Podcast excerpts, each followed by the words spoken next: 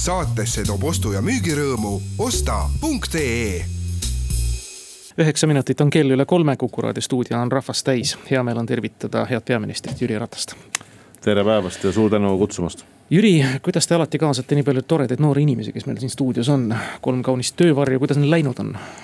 no seda tuleb nende käest küsida, kuidas neil läinud on, aga meil oli selline üleskutse sotsiaalmeedias, sai siis teha oma sellise motivatsioonikirja ja tõesti kolm inimest Ida-Virumaalt, Sillamäelt, Tallinnast ja siitsamast Tallinna külje alt Rae vallast igav ei ole olnud? ma küsin nüüd noorte käest. raputavad pead, neil on kõigil maskid ees, nad on ilusti siin ka täpselt nii nagu võõras ruumis, avalikus ruumis, mida ka Kuku raadio stuudio olema peab. aga hea peaminister, vabariigi valitsuses on vahetunud nädala jooksul kaks ministrit. täna on tulnud lugeda uudiseid teie hea kolleegi ja kaasvõitleja minister Mailis Repsi kohta. riigikogus vist peaks just neil minutitel üle antama lõpliku küsimuse sõnastusega abielureferendumi eelnõu mida emotsionaalselt ja noh, piltlikult öeldes siis nüüd esikaane uudisena lihviti nädalaid. aga me oleme tervishoiu ja võimalik, et varsti ka uues majanduskriisis. Euroopa Liidust tulev päästev raha on blokeeritud kahe liikmesriigi tõttu, muresid on kindlasti kaugelt rohkem, kui tahaks.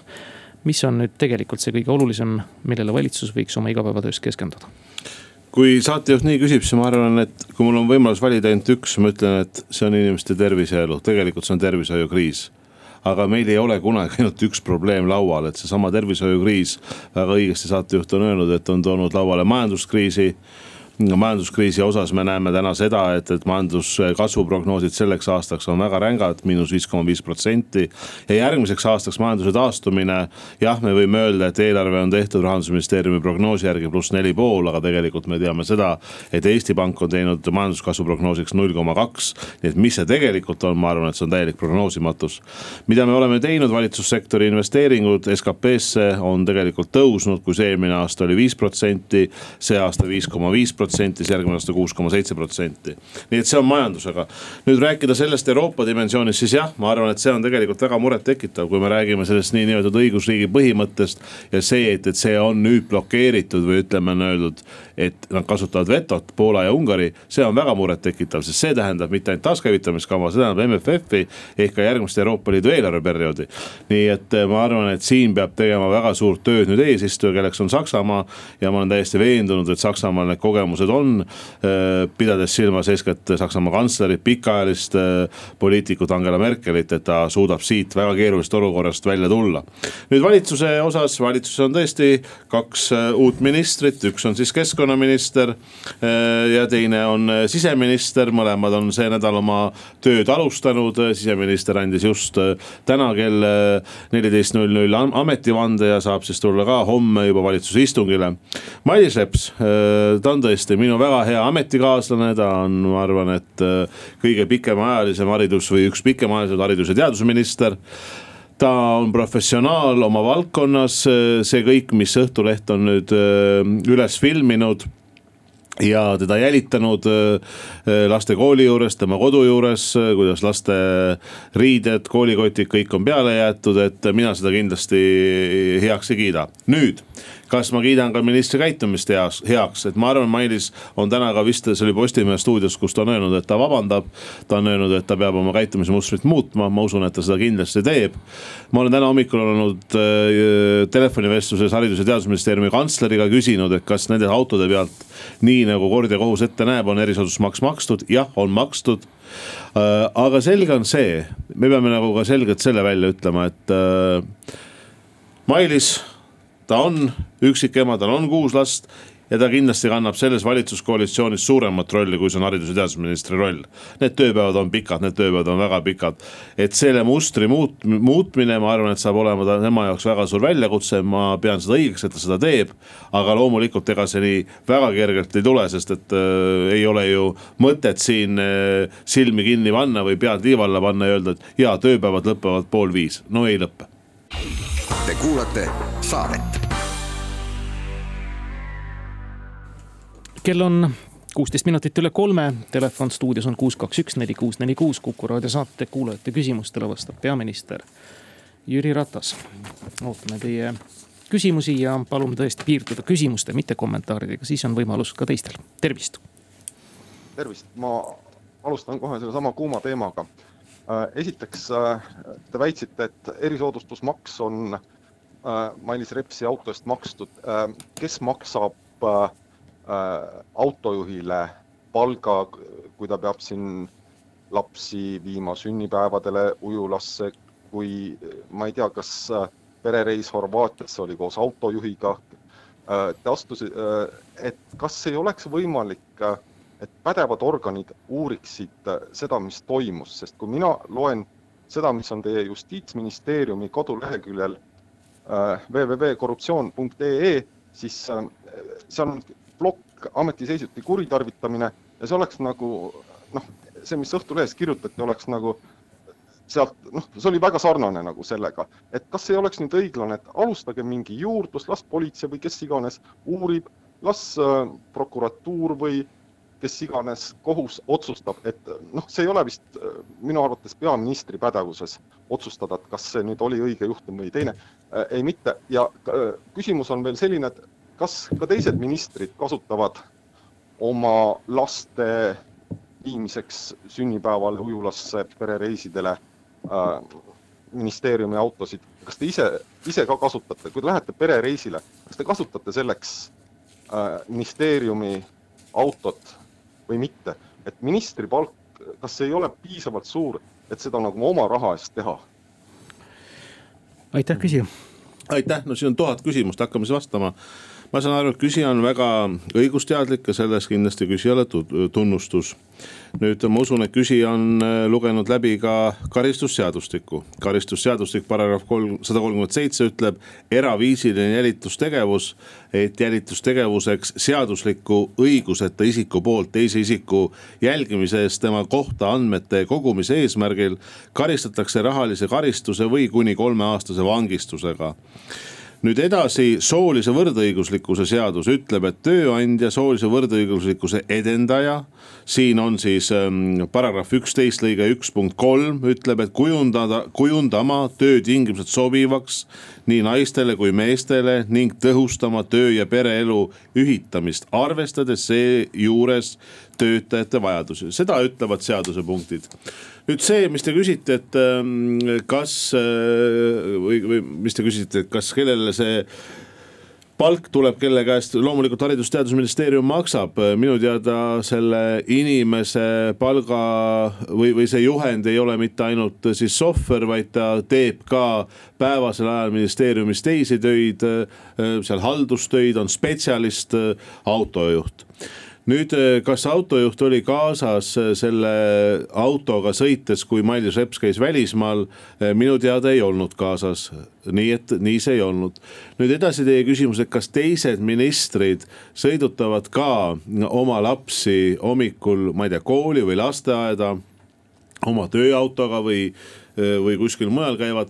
no ma arvan, et me võime lõpuks minna nüüd täiesti ju äh, noh, ma ütleks hullumiseni välja, et kuidas me siis teeme, et kas, äh, kui minister ja meil on väga palju Eestis äh, noori ministreid, äh, kelle lapsed käivad lasteaias või kelle lapsed käivad koolis. et tuleb sama teed pidi oma tööautoga kodust linna. siis mina arvan, et tal võivad küll seal lapsed seal autos olla, tõesti, ma arvan seda. ja kui on vaja erisoodustusmaks maksta, siis, siis tuleb maksta nüüd te küsite, kas minuga, minuga tulevad minu lapsed hommikuti kaasa, jah, loomulikult tulevad kaasa, tõesti tulevad kaasa. Istuvad autosse, mina istun sinna ja, ja, ja sõidame äh, viiekesi äh, hommikul tööle.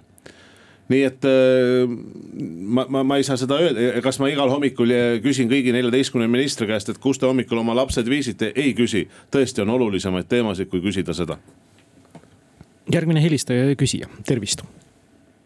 tere. vabandust, mul on härra peaministrile selline küsimus, kas meie valitsus on teadlik? kinnitati, et meie valimised on õiglased, aga kui osa tööandjaid ennem kui infosüsteemi asi jõuab, valivad ka tööliste eest, kasutades nende ID-kaarti ja inimene viib selle ID-kaardi, kuna kardab, et kui seda ei vii siis ta vallandatakse töölt.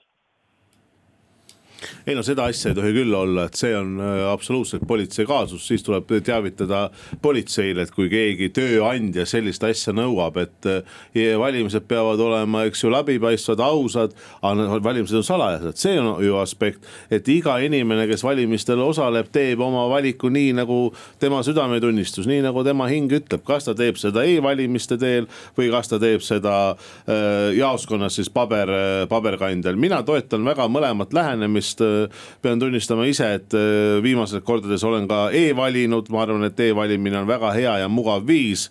inimesed säästavad oma aega, sellega saavad teha muid asju, olla oma perega koos, oma lastega koos, oma, oma vanematega koos. nii et äh, minu meelest see on tore, aga see, et meil jääks ka traditsiooniline valimine, see on igal juhul olemas, et tänasel hetkel meie valimisseadus järgmise aasta algusest, esimesest jaanuarist muutub, muutub selliselt, et tulevad elektroonilised nimekirjad, et kaob ära see see põhimõte, et reede, laupäev, pühapäev oleks äh, kodujaoskond, et seda enam ei ole ja saab siis hääletada igal pool üle Eestimaa. aga kui keegi surub, nagu te ütlete, tööandja siis anna, ütleb, et, et tooge oma ID-kaardid siia või näidake mulle, kelle poolt te hääletate, see küll lubatud ei ole, see on karistatav, selle kohta tuleb teha teade politseile. kuus, kaks, üks, neli, kuus, neli, kuus telefon on taas helisenud, tervist. tere, härra peaminister need olid väga tähtsad teemad, millele te vastasite, aga lähme nüüd siis vähem tähtsate teemade juurde, see, mis, äh, mida teie aktuaalseks peate. Äh, see on see, et see viirussõda siin ümbruses. vaadake, teadusnõukogule esitas härra, on esitatud andmed, et Eestis on juba sada kolmkümmend kolm SARS kahe tüve Äh, kuigi on suur lootus, et äh, see vaktsineerimine päästab sellest olukorrast, mis meil praegu on, viitab see sellele, et ega vist ei päästa. ja Rootsi näide näitab, et ei ole ka lootust selle peale, et oleks mingisugune karjaimmuunsus tekiks, nii et äh, selle tõttu nähtavasti selline olukord, kus me peame tegelema mitte aktiivselt viirussõjaga, vaid me peame ka elama teistmoodi kas selleks teie valitsuses on komplekteeritud, kas teadusnõukogusse ka sellised uuringud, mis hakkaksid ümber kohendama no näiteks haridust, toidu varumist, sise- ja välisjulgeolekut olukorras, kus me edaspidi siiski peame eh, märgataval määral arvestama, et see SARS-2 viirus oma tüvedega jätkuvalt on meie ümber. kas te, seal on selliseid spetsialiste teil valitud ja kas te seda ka silmas peate perspektiivina?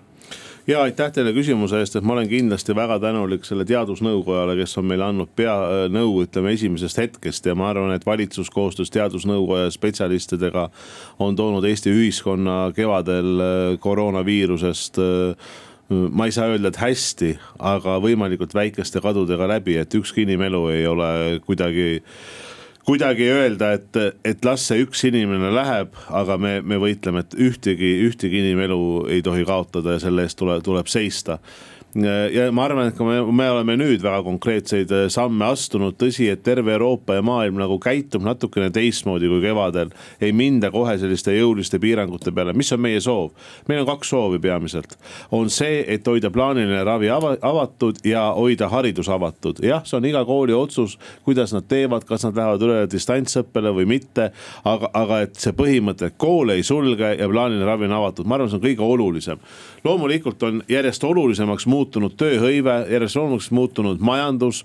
et me siin ei kaotaks, me näeme seda, et kui töötukassa prognoosis kevadel seal töötust aasta lõpuks üle saja tuhande, siis õnneks see nii ei ole läinud, hetkel on viiekümne ühe tuhande aga see, see äh, tendents või trend on kasvamas. nüüd, kas on teadusnõukogus või, või kuskil mingeid inimesi, nagu te küsisite, kes äh, vaatavad ka seda, et äh, kuidas me siis selle haigusega peame koos elama, jah, teil on õigus. see, millal vaktsiin tuleb, et ma arvan, see on niisugune väga teoreetiline hetkel, et on mõned vaktsiinid, Eesti on nüüd kolme vaktsiini kandidaadiga ühinenud, andnud sinna ka reaalse raha peale. Aga hariduspoliitika, nagu ma ütlesin või mis te küsisite, on see et jah, kui me selle viirusega peame koos elama, et kontaktõpe nii palju kui võimalik, see jätkuks, on koolide otsustada, et oleks desinfitseerimisvahendid, oleks hajutuspõhimõtted, kantakse ka maske. teiseks toidu varumine. Ja siin on väga tugev õppetund, järgmise aasta eelarves on sees ju varude agentuur, seda pole Eestis olnud kolmkümmend aastat, täna on see varude agentuur loodud. esmatarbekaubad, ravimid, toit, kütus, isikukaitsevahendid, see on nüüd kõik selles mõttes on väga kvalitatiivne ja põhimõtteline samm edasi, mida Eestis pole pole taasiseseisvunud Eestis niimoodi kunagi lahendatud. edasi sise- ja väline julgeolek, jah, ma arvan, et see on Eesti jaoks ülioluline. et me näeme seda, et mul on ise olnud äh, NATO peasekretäri Jens Stoltenbergiga mitmeid telefonikõnesid sellel teemal, et kui tuleb äh, nüüd äh, majanduskriis ja ütleme, laekumised lähevad alla, et me ei vähendaks mitte ainult protsenti, vaid ka nominaalseid summasid. me näeme täna seda, et Eesti on vastupidi tõstnud oma kaitsekulutusi Äh, NATO kontekstis. Eesti on suurendanud oma siseturvalisuse kulutusi, investeeringuid Politsei- ja Piirivalveametisse, äh, Päästeametisse, väga paljud komandod saavad praegust korda. nii et jah, see kõik on selles mõttes fookuses ja igal juhul see ei ole kuidagi, ütleme siis kahe tooli vahele ära kukkunud me ei jõua praegu kahjuks ühtegi kõnet vastu võtta, kell neliteist null seitse andis Siim Pohlak sisse nüüd ka selle abielureferendumi eelnõu. kas võiks olla nüüd niimoodi, et lähenevate jõulude puhul me paneme selle kuuse otsa ja kui jõulud läbi saavad, pakime ta ilusti kingituste pakki tagasi ära. et me unustame selle teema ja tegeleme nüüd kõige olulisemaga.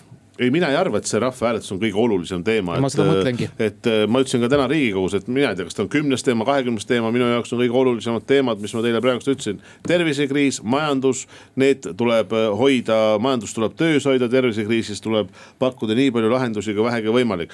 nüüd see rahvahääletus, rahvahääletus on küsimus, kas abielu peab Eestis jääma mehe ja naise vaheliseks liiduks. miks see siin laua peal on, laual on ta sellepärast, et kui see koalitsioon pandi kokku, siis sooviti kooseluseadus ära tühistada, Keskerakond oli selle vastu, mina ütlesin, see ei sobi meile. see oli kompromiss, põhimõtteliselt küsida valimiste vahelisel ajal teisi küsimusi, seda ma väga toetan, seda on Keskerakond kogu aeg toetanud. kas äh, ja, ja me oleme siin ka seletuskirjas öelnud, et põhimõtteliselt on ju küsimus selles, et kas siis abielu peab jääma mehe ja naise vaheliseks liiduks või soovitakse abielu mõistet laiendada. ma arvan, et see diskussioon on toonud kaasa selle, et me oleme palju lähemal, kui oli varasemalt ka kooseluseaduse rakendusaktide vastuvõtmisega. Te kuulate saadet kolmkümmend neli minutit on kell üle kolme Kuku raadio stuudios, saate stuudios on peaminister Jüri Ratas vastamas Kuku raadio kuulajate küsimustele. kuus, kaks, üks, neli, kuus, neli, kuus, telefon on helisenud, tervist no tervist, ma tahan nüüd uuesti küsida, eelmine kord te vastasite sedasi põiklevalt või et kui kaugel see sondüürnike asi siis praegu on, kas on seisak või mis toimub, ütelge nüüd siis täpsemalt ära, mis toimub. Aitäh, ei, mul ei ole mingit uut infot äh, lisada, mis ma eelmine kord ütlesin, et need nimekirjad on koostatud, äh, sellega riigihaldusminister Jaak Aab tegeleb äh, nii et äh, ma arvan, et see, see töö on protsessis, et kui te tahate täpselt teada, et äh, siis on kaks võimalust, et äh, kas annate mulle selle kirjaga tee, kirja teel teada, mis te siis täpselt soovite teada. aga ma arvan, et seda operatiivset infot on õige küsida riigihaldusminister Jaak Aabi käest. kuus, kaks, üks, neli, kuus, neli, kuus, telefon on taas helisenud, tervist. tervist minul on sihuke küsimus, et millal on tulemas palgatõus politseinike ja päästeteenistuse töötajatele, et nad ei peaks eh, mitme koha peal rabama. aitäh teile, et, eh, et ma olen oma valitsuses oldud aja jooksul seisnud väga tugevasti nii politsei kui päästeametnike ja terve siseturvalisuse valdkonna palgatõusu eest, aga mitte ainult. sealhulgas ka õpetajate palgatõusu eest viimasel eh, neljal aastal, sotsiaalvaldkonna palgatõusu eest ja ka infotehnoloogia valdkonna tõusu eest. Need on olnud tegelikult väga suured murekohad, ka kõrgharidusega kultuuritöötajad, kes on saanud eh, palga, palgakoefitsiendi tõusuks eh, panuse. ma ei saa öelda, et need palgatõusud on on piisavad olnud, ei piisavad kindlasti mitte, aga need on leevendanud. jah, see näiteks, et päästeametnik äh, töötab päästeametis ja töötab veel teisel äh, töökohal. ei saa öelda nüüd, et see on kõikide puhul nii, aga see on üsna levinud, sellega ma olen päri. kaks tuhat kakskümmend üks tulenevalt sellest samast, mis ma ütlesin, kui see aasta meie majandus kukub viis koma viis protsenti ja järgmine aasta näiteks äh, on prognoos, et see majanduskasv võib olla seal nullilähedane, siis palgafondi me ei ole suurendanud järgmisel aastal aastal mitte kellelegi riigisektoris. aga taaskord äh, tuleb see teema arutelu alla kaks tuhat kakskümmend üks aprillis kui me vaatame siis järgmist nelja aasta riigieelarve strateegiat ja kindlasti seal tulevad taas palgaküsimused lauale kuus, kaks, üks, neli, kuus, neli, kuus ja uus küsija liinilt, tervist. tere ja jõudu. jõudu tarvis. Euroopa Ülemkogu on tulemas. milline on Eesti positsioon seal Ungari ja Poola teemadel, et kas Eesti ehk siis teie isikus kavatseb mm, võtta maha need mõttetud nõudmised, mis praegu on pannud Poola ja Ungari vetostama või õigemini, mis on tinginud Poola ja Ungari mittenõustumise selle seitseaastaku plaaniga. no teatavasti see õigusriikluse teema, kas teie olete nõus selle sealt maha võtma sellest no seitsme aasta plaani tekstist. Mhm. aitäh teile küsimuse eest. Euroopa Ülemkogu peaks olema homme õhtul kell seitse, see on siis video teel ja ta peaks olema peamiselt Covidi teemaline nüüd äh, õigusriigi temaatika, et äh, noh, kakskümmend seitse riiki on Euroopa Liidus, ei ole nii, et üks riik võtab midagi teise riigi poolt maha. Eesti on sellel positsioonil, mis me, kus ma olin isiklikult nendel läbirääkimistel viis päeva Brüsselis, mis toimusid selle aasta juulikuus, äh, kus kakskümmend seitse riiki leppisid selle kokku. õigusriik oli seal põhimõtteliselt sisse kirjutatud ja see sobis kõigile. nüüd on tehtud sinna teatud muudatus. Eesti kindlasti ei plaani kuidagi seda seitsme aasta eelarvet eelarvet, mis on see MFF kaks tuhat kakskümmend üks kuni kaks tuhat kakskümmend seitse või ka taaskäivitamiskava vetostada, isegi vetostada selle muudatusega, mis on praegu ka õigusriigi põhimõttes tehtud. ei, Eestil seda plaani ei ole, meie soov on, et võimalikult kiiresti Euroopa Liidu järgmine eelarveperiood, kui ka taaskäivitamiskava võetakse vastu, sest need investeeringud on olulised, investeeringud on olulised meditsiinivaldkonnas, keskkonna valdkonnas, rohepöördeks, aga ka digireformideks ja digipöördeks nii et ei, Eesti kindlasti vetostada ei kavatse seda. Järgmine helistaja küsija liinil, tervist. halloo. austatud peaminister, mul on kaks küsimust. kas on võimalik abielureferendumile lisada veel teine küsimus, mis oleks, kas oleksite nõus Euroopa Liidust välja astuma? ja teine küsimus, kes andis paparatsodele loa Mailis Repsi lapsi salaja filmida? aitäh mm. -hmm. aitäh teile. esimene küsimus, kas abielureferendumile on võimalik äh, lisada teine küsimus, no tegelikult see referendum, eks ju, ma saan aru, et sellest inimesed ütlesid, abielureferendum. see on siis rahvahääletus muu riigielu küsimuse raames. teoreetiliselt on siia võimalik äh, lisada kasvõi kümme küsimust. Äh, kas seda lisatakse, ma ei usu, et seda lisatakse, et ma arvan, see, see küsimus jääb praegust selleks nagu on. aga ma soovin küll teile vastata, et ma arvan, et Eesti nüüd saja kahe aastases ajaloos, et kui me võtame ette äh, Eh, viimase kuusteist aastat Euroopa Liidus, siis ma julgen küll siin Kuku raadio stuudios öelda, et see on olnud meie riigile väga edukas, väga edukas ja ka majanduslikult väga edukas aeg, see on olnud ka kindlustunnet pakkuv aeg.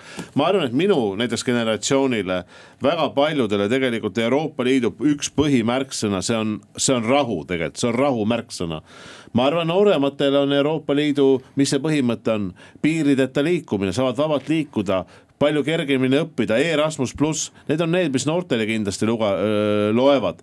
tegelikult Euroopa Liit on ju ma, ma, majandusliit ja, ja Eesti on olnud siin nende kuueteist aasta jooksul ikkagi ääretult edukas, me näeme, kuidas meie elujärg on, on kasvanud. nii et minu üleskutse on igal juhul, ma vabandan, hea küsija, teie ees, aga igal juhul vastupidine, et Euroopa Liidu tugev toetus, et Euroopa Liidus edasi oma hääl kuuldavaks teha, oma positsioonides seista, seda on vaja, seda ma ei eita ja seda ma iga iga ülemkoguga teen. nüüd teine küsimus, äh, kes andis selle Õhtulehe paparatšodele äh, loa pildistada, noh, te teate, et äh, öeldakse ju, et ajakirjandus on neljas võim. ma olen sellega päri ja ma tegelikult toetan uurivat ajakirjandust väga, ma väga toetan seda. ja, ja minu meelest see on oluline, et meil on iseseisev ajakirjandus. aga ma tahan öelda, et kui nad on ka neljas võim, siis nad peavad ka vastutama mingite asjade eest. et see ei ole nii, et äh, poliitik võib saada kriitikat, peab vastutama kõik peavad vastutama, ka ajakirjandus peab vastutama ja mina ütlen ausalt, et see, et pandi kuus last kuus last pandi fotodele, tehti võimas video, kuidas neid on jälgitud või jälitatud, ma ei tea, kui kaua, kolm nädalat, nädal, ükskõik kui kaua. mulle see kuidagi pähe ei sob-, ei mahu, ma ei toeta seda absoluutselt. minu meelest on täiesti vastuvõetamatu, et, et lapsed pannakse selliselt täna nagu online meediasse. alaealised lapsed et äh, see, see, et kas, kas Õhtuleht tegi kõik enne, enne endast oleneva, et küsis, et kas minister äh, kasutab autot oma äh, laste kooli ja koju ja kus iganes sõitmiseks, kas ta on käinud välismaal sellega või ei ole käinud?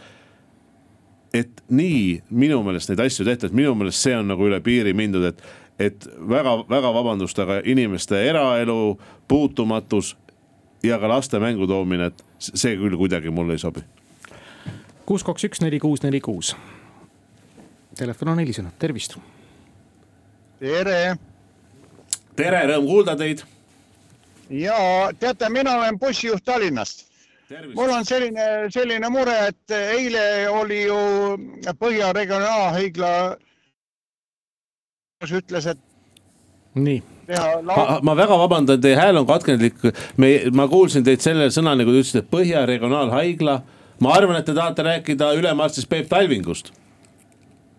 ühesõnaga, et äh, tema äh, ütles, et äh, maskid peavad olema bussis kohustuslikud, aga kuna mina olen bussijuht, siis ma ütleks, et no viiskümmend protsenti kannavad neid, aga viiskümmend ei kanna aga see tuleb teha kohe raudselt kohustuslikuks ja kontrollida neid. Ja, ja ma ei tea, kas bussijuhil on õigus neid mitte sisse lasta, nii nagu mujal maailmas on. aga, aga see, see asi läheb üle käte lihtsalt, noh, näete ise, mis toimub siin. Iga päev üle kahesaja, eks ole. on need koroonahaiged ja, ja kõige rohkem on Tallinnas. Ja kus buss, bussis on neid ju nii palju, köhivad, läkastavad seal kogu aeg aitäh, härra, see oli jah, kommentaar pigem soovitusega. ma tänan selle kommentaari eest, austatud, austatud bussijuht igal juhul, et äh, mis ma oskan öelda teile, et ma kõigepealt ütlen seda, et mina isiklikult kannan maski, et äh, nii ikkagi, kui on rahvarohke koht, siis ma panen maski ette, sealhulgas ka kaupluses. Nüüd see, kes kontrollib, et kui see teha kohustuslikuks, siis seda tegelikult kontrollib Eestis äh, terviseamet. terviseamet võib äh, ameti korras pöörduda või teha abipalve, siis ju ta teeb siis selle Politsei- ja Piirivalveametile, kes siis samuti hakkab seda kontrollima. äh, seal on olemas ka siis sanktsioonid, kui see muutub kohustuslikuks ja sanktsioon on siis kuni kaheksasada eurot trahvi, kuni kaheksasada eurot trahvi.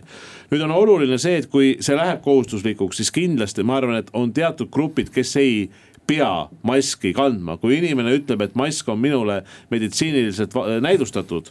et, et see on, ma, ma ei saa maski kanda teatud öö, oma öö, probleemidest tulenevalt. siis tuleb inimesele öelda, et jah, sa ei pea maski ette panema. ma arvan, et ka nõuda lastel maski kandmist, kes on seal kaksteist või nooremad. minu meelest see ka ei ole mõistlik. nii et see tähendab tegelikult nüüd tõesti, te küsite väga õigesti, kes siis seda järelevalvet teeb. kes siis läheb küsima selle lapse käest, kas sa oled üksteist, kaksteist või kolmteist, miks see proua või või härra maski ei kanna, et kas tal on siis see meditsiiniline näidustus või ei ole.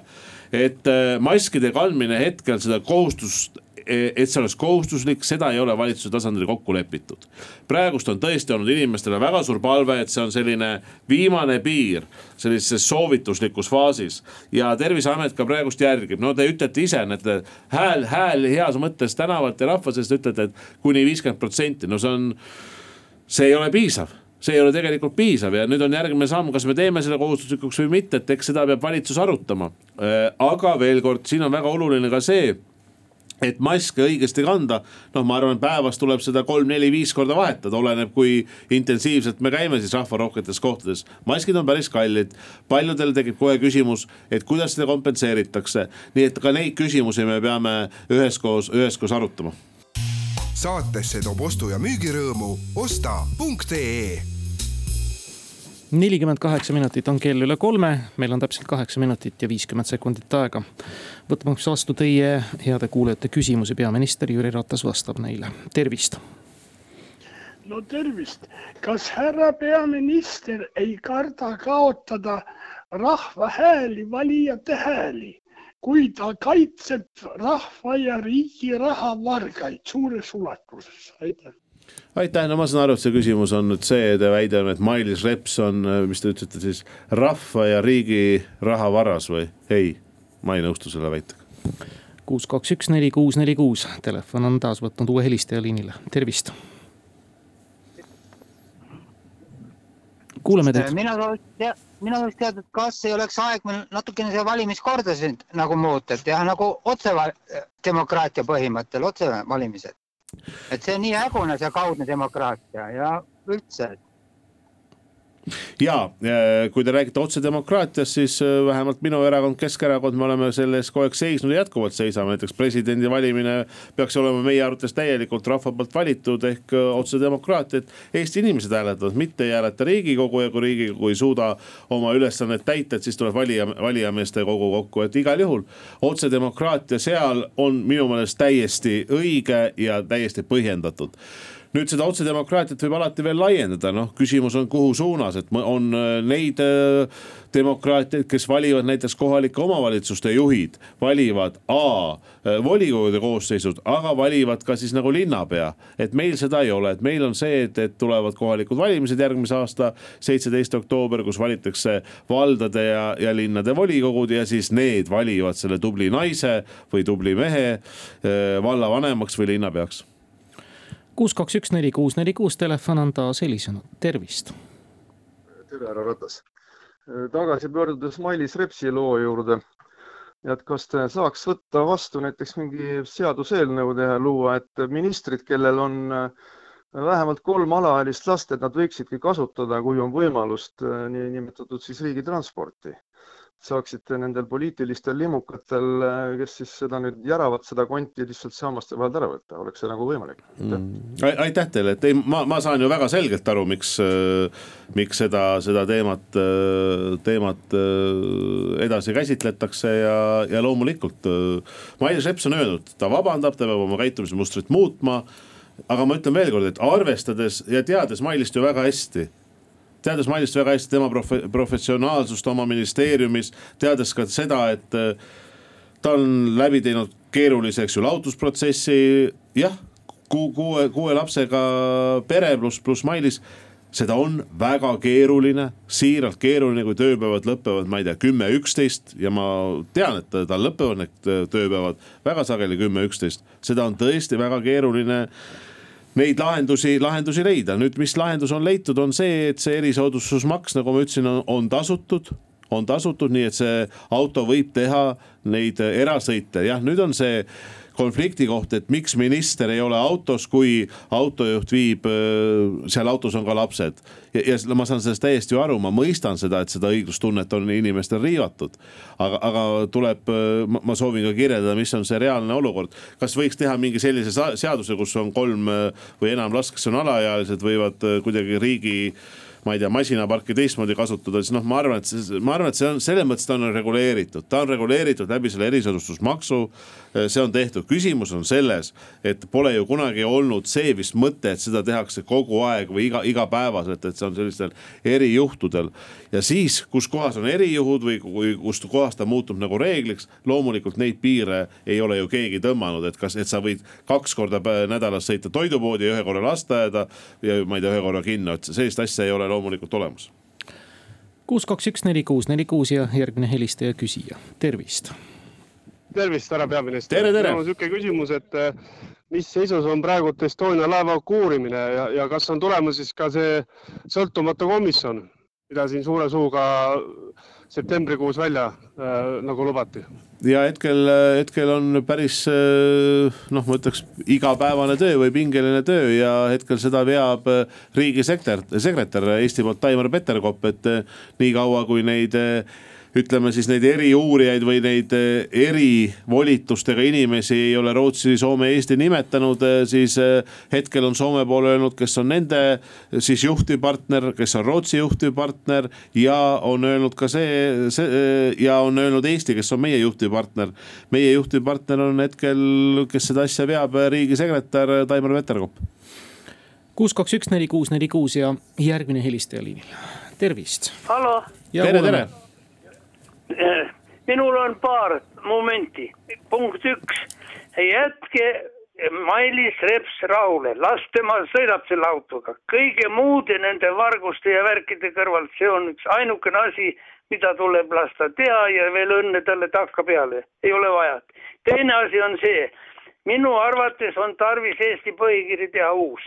Siin ei aita parandused ega midagi, seal on nii palju neid eh, nõrku kohti, mida ei jõua lugeda, aga no te saate ise aru, millest ma mõtlen.